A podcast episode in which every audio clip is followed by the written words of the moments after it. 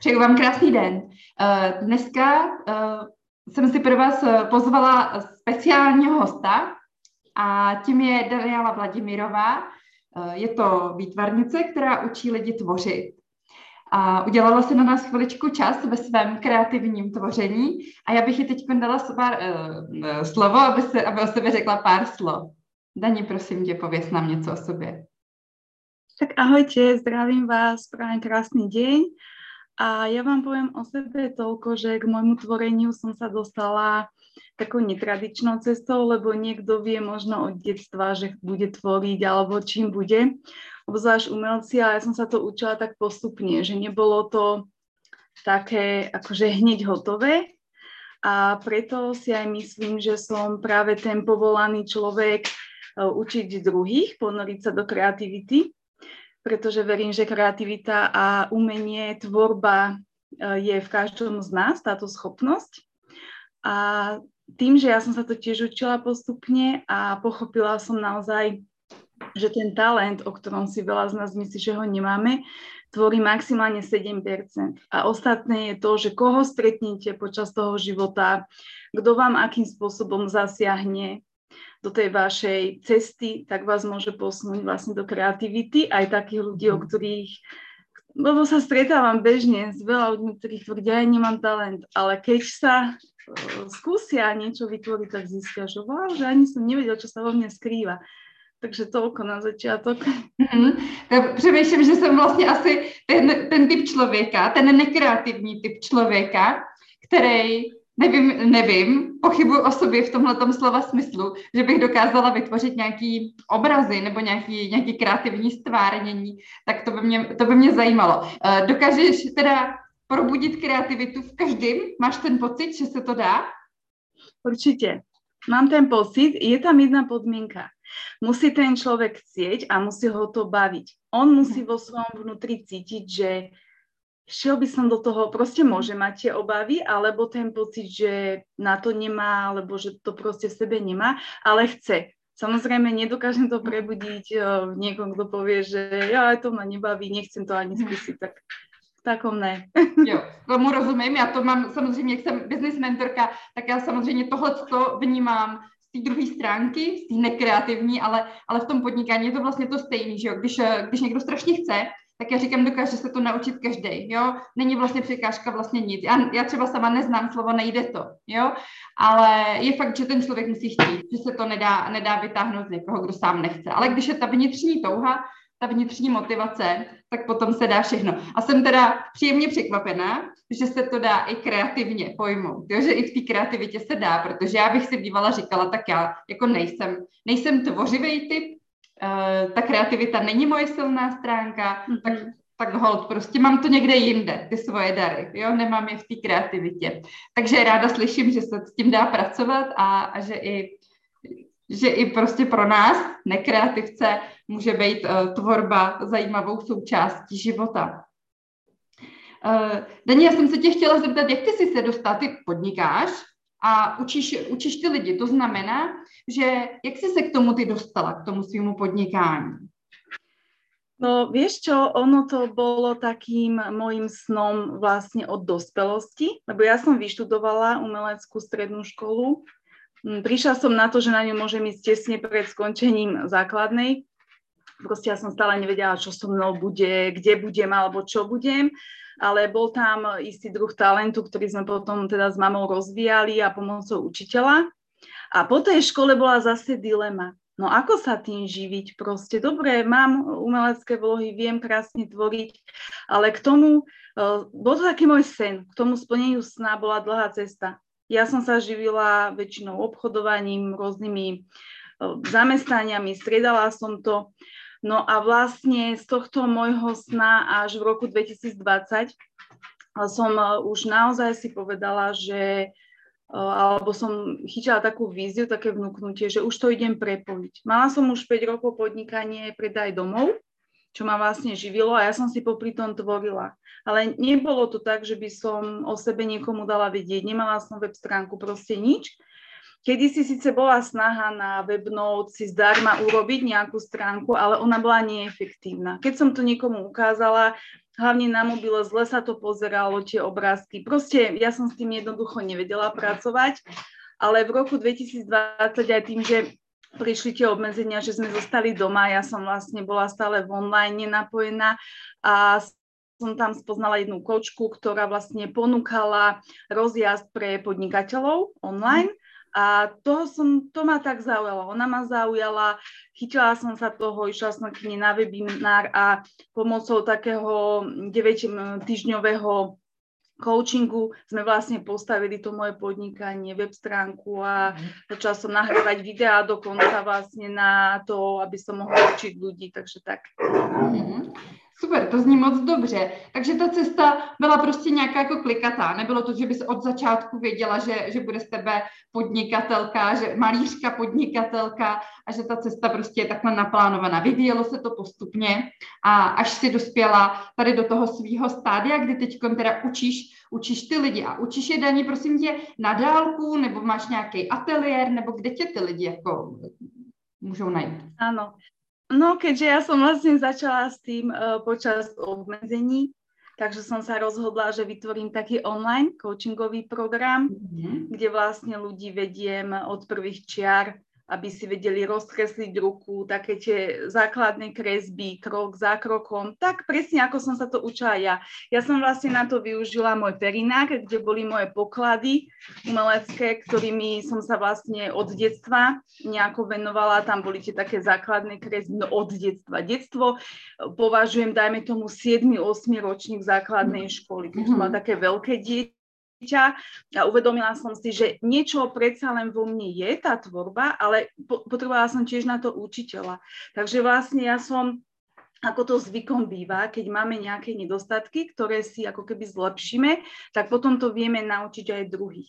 Takže ja som vlastne uh, celú tú 20-ročnú zbierku nejakých mojich prác, ale ja som netvorila sústavne. Ja som mala napríklad aj rok, keď som vôbec netvorila, pretože som mala takú prácu, že mi to nedovolovala nemala som na to čas. A to práve bol ten dôvod u mňa, že vo mne to driemalo. Ja som mala vnútorne pocit, že keď netvorím, tak není to ten môj život kompletný. No mhm. a vďaka až tej mojej koučke, ja som vlastne pôvodne ani nemala plán nikoho učiť, ale zase mala som tam také napríklad na základnej umeleckej škole ma riaditeľ pozýval, aby som išla učiť napríklad deti. Ja som si to vyskúšala a zistila som počas jednej stáže, lebo ja som si ešte robila potom jednu školu, odborné vyššie vzdelanie, kde je aj pedagogika, psychológia. A ja som mala možnosť si to vyskúšať a ja som za to bola veľmi vďačná, lebo ja som zistila, že ja toto nechcem robiť. Mm-hmm. Jednak zárobkovo, to bolo úplne proste nikde inde, ako som ja potrebovala. Jednak byť stále zavretá väčšinu času zase v tej škole. Zase by som len nemala čas na tú svoju tvorbu tak som to proste zavrhla, ale táto moja kočka to zo mňa ako keby vyťahla. Že ty by si mohla niečo proste nahrať. Ty by si mohla, že skúsi vytvoriť nejakú takú šablónu a ona ma akože v tomto som za to vďačná, posunula, lebo mňa samo by to možno ani napadlo, lebo ja som v tej dobe ani nenahrávala videá vôbec, ako v roku 2020 som ja nemala s nahrávaním nič. Mm-hmm. Takže to bolo skvelé, že ja mm-hmm. som mhm. si začala pod jej vedením e, som si urobila takú štruktúru, dala som to do 12 týždňov, čo by v každom tom týždni uh, vedela som proste toho človeka, ako viesť, jednotlivé týždne na seba nadvezuje, to proste ucelený program, kde prejdeme viacero techník a tak, takže toto, toto je taký veľký balíček uh, pre toho, kto by naozaj túžil, ale nikdy do toho ani nestúpil, lebo Uh-huh. Nevedela ako, ani si neverí, ale myslím si, že naozaj to treba skúsiť, že to stojí za to. Uh-huh. Super, to zní strašně moc zajímavě, mně se to líbí. Já říkám, jak jsem business mentorka, tak já samozřejmě tuhle tu stránku vím a vím, že, že vlastně všichni potřebujeme nějaký vedení. Ty jsi to říkala, že bez té koučky vlastně ani, ani by tě to nenapadlo. To je vlastně jako naše práce, vlastně probouzet v lidem i ty skrytý touhy, které v sobě někde mají a a neumějí si je jako vyndat, vyndat ven a, a jít si za těma svýma snama. Potom, potom se to takhle krásně poskládá a vznikne z toho krásný projekt, který učí zase ty další lidi, další, další ženy, další kreativce v tvém případě a, vznikají opravdu že krásné projekty. To je třeba náplní mojí práce, že probouzet to v lidech, tohle to, co oni sami v sobě sice mají, ale neví o tom, mají to někde schovaný. A ty, ty na tom pokračuješ potom dál, že, že probouzíš tu kreativitu a, a to je prostě strašně, strašně fajn. Moc se mi to líbí. A Dani, mě, mě ještě bych se jako ráda zeptala, když bych opravdu, že um, nenašla v sobě tu kreativní odvahu a, a nechtěla jít do kurzu. Koukám, že máš za sebou takový nějaký krásný obraz. Uh, maluješ? Dá se u tebe jako i koupit nějaký obrazy, nebo maluješ jako na, na míru, na přání, nebo um, kde jak projevuješ ty tu svoji kreativní část? Áno, ja to beriem tak pol na pol. Teraz sa väčšinou Väčšinu času teda venujem tomu coachingu, pretože je o to záujem. Mám tam proste aj človeka a to ešte musím povedať, lebo to ma napadlo, že tiež táto žena napríklad nikdy nemalovala portrét alebo nekreslila. Ona skôr len takú abstrakciu, ale chcela sa zdokonaliť v tom. No a ja som nahrala aj také motivačné video, že aby sa proste nebala, že iba to skús, e, nehodnoť, ako to proste dopadne. A obidve sme boli veľmi prekvapené tým výsledkom, takže to len tak na povzbudenie.